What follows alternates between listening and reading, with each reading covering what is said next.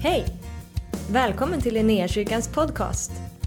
Vi hoppas att det här ordet ska uppmuntra dig, stärka dig i din tro och leda dig in i djupare relation med Jesus. Gud välsigne dig i ditt lyssnande. Härligt att få, att få prisa Gud eh, tillsammans. Ehm, och den här, eh, den här intervjun som har varit, jag har ju hört, hört alla i ett enda svep. Och det, var, det är ju fantastiskt att få, att få höra de här intervjuerna ifrån eller samtalen från eh, medlemmarna i församlingen eh, som har varit. Så gå gärna in här, eh, för de ligger ju radan efter varandra. Varenda kväll så finns det ett samtal, en intervju, där du kan få, få plocka upp vad, vad, vad den här veckan betyder för, för människor i vår församling och vad det är som hände egentligen under den här veckan som blir då kulmen med hans död på, på långfredagen och uppståndelsen idag söndag jag, jag tänker så här, vi kastar oss in i en text direkt eh, så får vi bara läsa om betydelsen för dig och mig som kristna.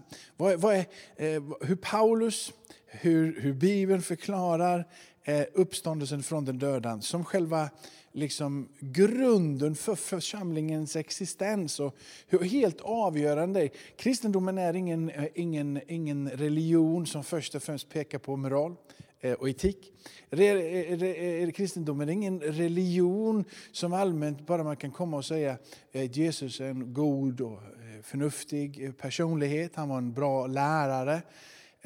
Det går inte liksom att, att, att, att på något sätt nalkas kristendomen på det sättet utan att ta den stora frågan. När Jesus deklarerar själv att han är Guds son. Att han säger själv att han är uppståndelsen och han är livet. Han säger själv att det inte finns någon väg till Gud, till Fadern, utan genom honom. Han eh, deklarerar så högt och tydligt vem han är, så man måste adressera kristendomen där först. Inte som att Jesus är en god lärare, god person, moral och etik och att det finns väldigt mycket fint. Utan du måste adressera det som är själva kärnan i kristendomen. Och det ligger i hans död och hans uppståndelse. Så här adresserar en av Nya Testamentets eh, eh, stora eh, skribenter, ledd och inspirerad av Anden, så har Paulus skrivit mer än någon annan i Nya Testamentet som har då tagits till, lagt in i församlingens och så har undervisning och lärdom och kunskap om insikten om hemligheten i Kristus blivit oss till del här idag genom kyrkans historia. Så låt oss, eh, låt oss läsa ifrån första Korintierbrevet kapitel, kapitel 15. Så här skriver Paulus till församlingen i Korint. Bröder, jag vill påminna er om evangeliet som jag predikade för er, som ni tog emot och står fasta i, och genom vilken ni blir frälsta. Jag vill påminna er om orden som jag förkunnade, om ni nu håller fast vid dem. Annars eh, var det förgäves att ni kom till tro. Jag meddelar er nu det allra viktigaste, vad jag själv har tagit emot. Att Kristus dog för våra synder enligt skrifterna, att han blev begravd, att han uppstod på tredje dagen enligt skrifterna och att han visade sig för Kefas och sedan för de tolv. Och därefter visade han sig för mer än 500 bröder på en, på en gång, av vilka de flesta ännu lever medan några är insomnade. Paulus säger att detta är det allra viktigaste, att han dog enligt skrifterna, att han uppstod enligt skrifterna. Och det var ingen vålnad som uppstod. Det är tydligt här. Han eh, visade sig för Kefas, för Petrus, för de tolv. Han visade sig för mer än 500 personer. Och det är för eh, eh, ställena i till exempel i Johannes evangeliet, som det, för det pratar om att de äter tillsammans eh, pratar om eh, här i evangelierna att det faktiskt gick att röra vid den uppståndna kroppen. Jesus uppstod inte i en vålnad. Jesus uppstod i en fysisk person. En person som vandrade efter uppståndelsen runt fram och tillbaka under 40 dagar så visade han sig för dem. De fick vara tillsammans med honom och de fick röra vid honom, äta med honom och de fick senare vara med om hur han lyftes upp emot himmelen, det som kallas för himmelsfärden. Och han säger också att han ska få komma tillbaka, eller han ska komma tillbaka på samma sätt. Här har du själva pelarna i det som blir det frälsningsavgörande. Hans död som leder till befrielsen ifrån synden som eh, tar bort oss ifrån fördömelsen, som tar bort oss ifrån förbannelsen, som tar bort oss ifrån dödens makt hans uppståndelse ifrån de döda som ger oss det eviga livet, som sätter oss in i det nya riket, Guds rike, planterar oss in i en helt ny värld. Vi tas bort ifrån och vi planteras in i, vi insätts i detta nya rike. Där vi kan blicka framåt emot den dagen då han ska komma tillbaka. Här så vet ni att Jesus på skärtorsdagen, här det som, det som vi kallar för en, liksom en Getsemane-stund, så kommer han in i Jerusalem och är tillsammans med sina lärjungar och äter den sista måltiden tillsammans med dem. I den här måltiden så finns det oerhört mycket eh, symbolik eh, för, för judarna. Eh, de äter den här måltiden som starten på det osyrade brödets högtid. En hel vecka som följer där de firar den hastiga flykten ut från Egypten. Och under den här måltiden så ehm, sitter Jesus ner och han bryter brödet, han delar bägaren och han talar om att detta är det nya förbundet, det nya förbundet genom mitt blod. Och ehm, det som hände på påsk Eh, på påskmåltiden, det var att man påminde sig om det som föranledde att de, blev, eh, att de kom ut från Egypten och in i öknen för att vandra tillsammans med Mose för att senare komma in i det förlovade landet är ju att det här blodet som ströks eh, genom eh, ett lams blod på dörrposten och så gick, eh, gick eh, domen, döden förbi dem och det förstling eh, eh, i alla hushåll som hade strykt blodet på sina dörrposter blir Ehm, befriade från den dom som ligger där. Och den här måltiden symboliserar den här platsen utav blodet som ger liv blodet som ger frihet. Ehm, när sen eh, ett förbundet mellan Gud och människan slöts genom Mose, tio budorden och så vidare. Så det här förbundet som, slö, som slöts där är också blod med. Blod som är en symbol för att bli renad. Det var offer eh, från djur vars blod blev försoningen för dess synder. Man kunde på det sättet få räddning och få hjälp för att kunna komma in på en plats där Gud kunde välsigna och lägga sitt välbehag över en person. Här så sitter Jesus och säger det är mitt blod som för Guds välsignelse till ditt liv. Det är mitt blod som bringar försoning och ger det liv och den frihet som inget annat offer kan ge. När Jesus gjuter sitt blod så gör han inte det i ett mänskligt tabernakel. Han gör det i Guds tabernakel han gör det i, i himmelen framför Fadern, gjuter sitt blod en gång för alla till syndernas förlåtelse för all evig tid. För alla de som säger ja till honom. När han dör på korset, blodet har runnit och han blir begravd i en, i en, i en grav senare. Eh, när han då är död så kunde inte döden sluka honom. Döden kunde inte hålla fast honom. Döden hade ingen makt över honom. Han var det felfria offerlammet. Han hade ingen synd som kunde binda honom, utan han var fri att ge sitt liv till lösen för dig och mig.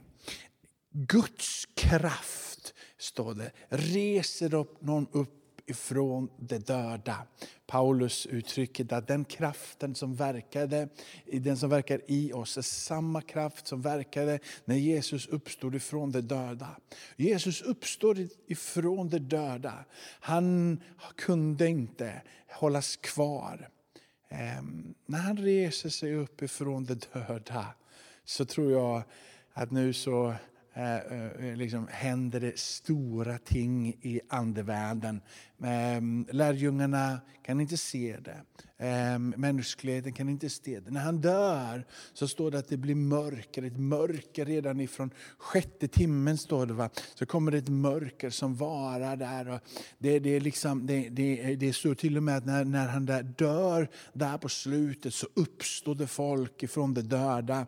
Folk kommer ut ur sina gravar. Det är en märklig stund när han dör står det inte jättemycket om det märkliga när han uppstår. Men när han uppstår så banas en, en helt ny väg in i gemenskap. När han nu har uppstått så finns det en väg in i befrielse. Det finns en väg att bli upprättad, en väg att hitta tillbaka in i det livet som var ämnat för mänskligheten. Att stå i en förnya förbundet, in i en relation med Gud som inte bygger på vad människan kan göra, men vad Gud har gjort och vi villkorslöst kan ta emot bara genom att tro och komma till honom. Den här berättelsen, hur det här sker i andevärlden men också sker i det fysiska, läser vi från Matteus idag. Berättelserna finns återberättade i, i alla evangelierna. Men vi läser det från Matteus kapitel 28. Och då står det så här, efter sabbaten i gryningen den första veckodagen gick Maria från Magdala och den andra Maria för att besöka graven. Och se, det blev en stor jordbävning, ty en Herrens ängel steg ner ifrån himmelen. Han gick fram, han rullade bort stenen och satte sig på den. Hans utseende var som blixten och hans kläder var vita som snö. Vakterna skakade av skräck för honom och blev som döda. Ängeln sade till kvinnorna, var inte förskräckta. Jag vet att ni söker Jesus, den korsfäste. Han är inte här. Han har uppstått, så som han har sagt. Kom och se platsen där han låg. Och gå genast och säg till hans lärjungar att han har uppstått ifrån de döda och se, han går före er till Galileen. Där kommer ni få se honom. Jag har nu sagt det till er. Hon skyndade sig bort ifrån graven under fruktan och stor glädje. Och de sprang för att tala om det för hans lärjungar och se Jesus kom emot dem och hälsade dem och de gick fram och fattade om hans fötter och tillbar honom. Då sade Jesus till dem, var inte förskräckta. Gå och säg till mina bröder att de ska gå till Galileen. Där kommer de att få se mig. Hur och varför vågar vi tro på Jesus? Alltså jag vill bygga hela min tillit till Jesus på grund av att han sa att han skulle uppstå ifrån de döda. Och eftersom han uppstod ifrån de döda så litar jag också på allting som han har sagt. Och det låter sådär, ja, men du har ju inte mött honom, det var 2000 år sedan och det är gamla texter. Och hur kan du verifiera det här? Vi måste alla få en erfarenhet. Ehm, du kan inte bevisa för mig att Gud inte finns. Och jag kan inte bevisa för dig att Gud finns.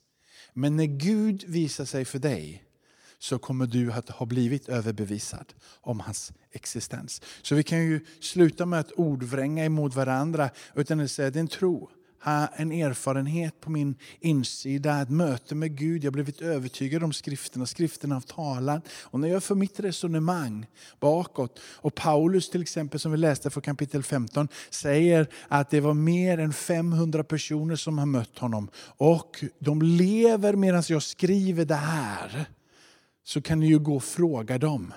vem det var de mötte. Var det en vålnad de mötte eller var det en fysisk person de mötte? Man måste komma ihåg att det är judar vi pratar om. Judarna som var en hädelse att säga att man var Gud. Och här glider det omkring en snubbe, Jesus, som säger att han var Gud. Han skulle bli bannlyst fullständigt och förkastad. Om det inte var någonting med hans närvaro som gjorde att människorna började ställa frågor. Kan han vara Messias? Kan han vara den som skulle komma? Jakob, Jesus egen bror, han hade inte speciellt gott höga till honom som gick omkring och sa att jag är världens frälsare. Lyssna på mig, jag är Guds son. Jakob tyckte det här var oerhört märkligt. Men till och med Jakob förändras när Jesus har uppstått ifrån de döda. Jakob som var en tvivlare medan Jesus levde blev en övertygad troende när Jesus hade dött och uppstått. Jakob blev sen ledare för församlingen i Jerusalem. Den församling som blir den man vänder sig till för att föra samtal och dialog. Det finns så många saker som gör att vi kan inte förhålla oss till, något, till Jesus på något annat sätt. Att antingen så är han frälsaren som skulle komma, Messias, hjälpen ifrån höjden, den enda som kan visa oss Gud. Eller är han den största lögnaren som någonsin har funnits och vandrat omkring på den här jorden. Jag tror att han är Messias för att han har uppstått ifrån de döda. Där ligger allting och du kan kalla mig korkad och du kan kalla mig att jag är töntig. Men om jag har rätt att Jesus har uppstått ifrån de döda så finns det en räddning och en befrielse för mig. Då finns det en väg in i himmelen för mig. Så där kan man väl inte tro nu på liksom 2021. Där hör till någon forndagars tro, någon gammaldags variant av att det finns räddning den som pratar på det sättet har aldrig upptäckt sin egen synd än. Den som pratar på det sättet har aldrig känt sitt eget samvete. Den som har känt sitt samvete, den som vet om sin synd, den som har känt i sitt hjärta att allting inte står rätt till, ställer inte den frågan. Den som har blivit drabbad i sitt samvete, den som känner synden, den som känner sjukdomen av synden, som gör en instängd och man orkar sig inte vidare och man känner sig mindre och mindre och man blir inte så där fri. Och sen har ropat på Jesus och fått känna beröringen ifrån hans barmhärtighet kärleken som strömmar ifrån denna man ifrån Nasaret. Omfamningen ifrån honom, upprättelsen som finns i hans namn. Att få gå där in i det nya förbundet. Att känna att hans blod har gjort mig fri och har gett mig liv. Därifrån springer min övertygelse ifrån syndens samvetskval in i friheten att vilja vara och leva tillsammans med Jesus. Hans fysiska uppståndelse pekar emot att det måste finnas också en konungslig härskare i honom. För han säger att när jag uppstått ifrån de döda så sätter jag mig, eller så finns min plats jämte på faderns högra sida. Och han hamnar på faderns högra sida, ett nytt rike, en ny kung. Och Jesus säger att han är kung Jesus. I den här berättelsen här så, så säger de här änglarna till honom, eller änglarna till honom, var inte rädda. Och ibland så, så, så, kan vi i våra liv bli lite ängsliga. Men jag, jag försöker inte eh, så mycket i min tro att titta på berättelserna bortanför Jesus när jag känner mig ängslig och rädd. Utan jag går tillbaka till det som är det allra viktigaste som Paulus sa. Att om Jesus har dött och han har uppstått så är graven tom. Om graven är tom så är min tro fullständigt levande. För hade graven varit fylld så hade min tro varit död. Men nu är graven tom och min tro fylld med liv. När jag går tillbaka till den tomma graven så räds jag inte i min tro. Jag fruktar inte i min tro. Och Jag tror att vi ska se på när änglarna pratar med eh, de här vid, vid, vid, eh, vid, vid graven, dessa kvinnor, så pekar han just på det. Titta in i graven, titta in i den tomma graven. Det är inte en plats att känna fruktan, det är en plats att känna överväldigande glädje och fröjd i. Nästa sak de säger, nu ser in, han är inte där. Ser du. Han är inte där, han har uppstått. Och så pratar han om att, så här, att Jesus är inte död. Och vi ska inte heller söka Jesus eller honom ibland de döda. För du ser, han är ibland de levande. Det vill säga han är mitt ibland oss. Han vandrar omkring oss. Det är också det som vi gör på, på, på Getsemane-stunden. Så pratar vi lite grann kort om den här måltiden. Det som får bli en rastplats. Men också en plats där vi blickar framåt emot det, med den måltid som vi en gång ska få ha tillsammans med honom i en ny himmel, ny jord. Den här platsen där det nya vinet ska få drickas tillsammans med Jesus. Måltiden där får symbolisera så mycket av det här, av att Jesus är mitt ibland oss. När vi kommer till det dukade bordet där så är det den uppståndne Jesus vi möter. Där vid det dukade bordet, när vi får den här rastplatsen i livet där vi kan få ta emot en speciell närvaro av honom. Få tillbaka och bli styrkta och en förvissning om hur Jesus är närvarande, hur Jesus vandrar med oss, hur Jesus leder oss. Men också där med mötet i nattvarden med den uppståndne Jesus. Blicka in emot hans återkomst och den nya måltiden i en helt ny himmel med ett helt nytt vin med Jesu närvarande. Alltså dricka det nya vinet tillsammans med oss. Du vet, det är inte en död Jesus som dricker det nya vinet tillsammans med oss. Utan det är den uppståndne Jesus, konungarnas konung, herrarnas herre. Vi äter tillsammans med honom. Det händer någonting till i den här berättelsen som jag vill poängtera de sista minuterna utav den här predikan. Och det är att de säger så här, gå genast och berätta det här. Gå genast och berätta det här. Det är som att direkt när det här händer så ska de bara kuta iväg och berätta. Hur vågar du berätta det här? Du, kan, du känner så här, jag vet inte om jag vågar säga till mina klasskompisar eller till mina arbetsvänner eller till min familj att jag tror på Jesus. Lite sådär. Hur tror du du kändes?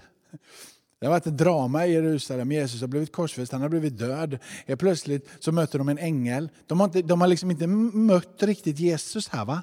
Eller Jesus är liksom inte den som, som har poppat upp framför dem här. Utan det är ängeln som är där. Ängeln säger bara, det är bara gå dit, skynda er nu, berätta det här genast. Och så rör er mot Galileen. Han kommer vara er där, han kommer möta med er. Så bara rör er dit, liksom. det är inget problem.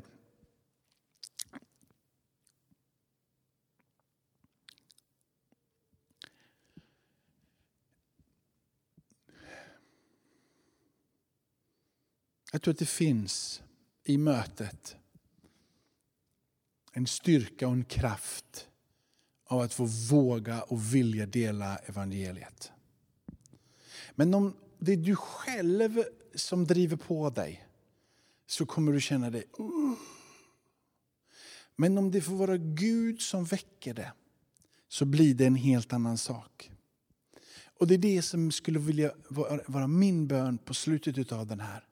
Att det inte är du som fick pressa fram att han är sannoliken uppstånden eller verkligen uppstånden. Och du trycker från tårna, jag måste tro det här för det är just det jag ska tro på. Utan att du fick bli överbevisad så som lärjungarna blev överbevisade. Från den här dagen ända till Kristi himmelfärd så blev de överbevisade om bara här i, i, i Matteus så står det sen att några prisade och några tvivlade. Några tillbad, några tvivlade. Du vet att när Maria möter Jesus i Johannes så kommer hon där, hon möter en man och äh, hon fattar inte att det är han, hon ser ingenting och hon grejer det, har liksom ett samtal men det, det fattar inte att det är Jesus. Men när Jesus vänder sig mot henne och uttalar hennes namn så fångar han Marias uppmärksamhet. Hon känner igen Jesus när Jesus säger hennes namn. För mig så blir den här innerliga känslan att kanske är det så att det går inte att fånga Gud. Det går inte att bestämma att jag ska tro. Det går inte att bestämma att han är minsann uppstånden. Utan du kan bara bli fångad av honom. Och vet du hur du blir fångad? Det är när du börjar söka och du börjar lyssna. Så tror jag att på samma sätt som Maria fick bli övertygad om att hon mötte den uppståndne Jesus. När denne man tittar emot henne och säger Maria. På samma sätt som Jesus känner Maria så känner Jesus dig och han känner dig vid namn. Och han vill inget annat än att komma in där du är i ditt vardagsrum eller vad du nu än är och lyssnar på eller ser det här. Så vill han stiga in på den platsen. Han vill tilltala dig vid namn. Och han vill att du ska bli så övertygad på ditt hjärta så du säger sannerligen, sannerligen, du är uppstånden ifrån de döda. Jag vill inget annat än att döpa mig. Jag vill inget annat än att följa i dina fotspår. Jag vill inget annat än att ta emot det glädjefyllda liv som finns i dig. Fyll mig med den heliga Ande så att jag kan leva till din ära för resten utav mitt liv. Amen. Amen. Låt mig be en bön om att du ska känna, höra ditt namn talas ut från Jesu läppar. Jag ber Fader i himmelen för de människorna som har lyssnat idag och varit med, att de skulle få känna igen det där. En liten viskning från höjden. Sitt personliga namn. Veta, jag är sedd av Gud. Det är min bön. Att vi fick sluta jaga utan bli fångade av dig. Att vi fick sluta försöka men igenkänna och se att vi är sedda av dig. Så att vi i våra liv Jesus, jag ber från djupet av våra, mitt hjärta, att vi i våra liv kan leva eh, drivna utav din eviga kärlek. Fångade utav dig själv. Tack för att du har sett oss. Tack för att du möter med oss. Därför att du välsignar oss, därför att du beskyddar oss, därför att du bevarar oss. För ditt namns skull. För du har en ära i att fånga upp oss och hjälpa oss. I Jesu namn. Amen. Nu tar vi prisa Gud en liten stund tillsammans och sen så går vi in i ehm, eh, en avslutning. Gud välsigna dig. Tack för att du har varit med oss. Hoppas du känner dig inspirerad av Guds ord och har fått nya perspektiv. Hör gärna av dig till oss och berätta om Gud har rört vid dig på något sätt. Vi är så glada att få höra vittnesbörd om vad Gud gör. Du kan mejla oss på adressen info och dit kan du även mejla om du har ett böneämne som du önskar att vi ber för. Eller om du har tagit emot Jesus och inte har någon bibel så vill vi mer än gärna skicka en bibel till dig. Skicka ett mejl med ditt namn och dina adressuppgifter till info.linneahuset.se så ser vi till att du får en. Om du vill ge en gåva till Linnéakyrkans arbete för att nå fler människor med evangelium så kan du swisha till 123 520 0993. Du kan också besöka oss på linneakyrkan.se för att få mer information. Välkommen tillbaka att lyssna snart igen.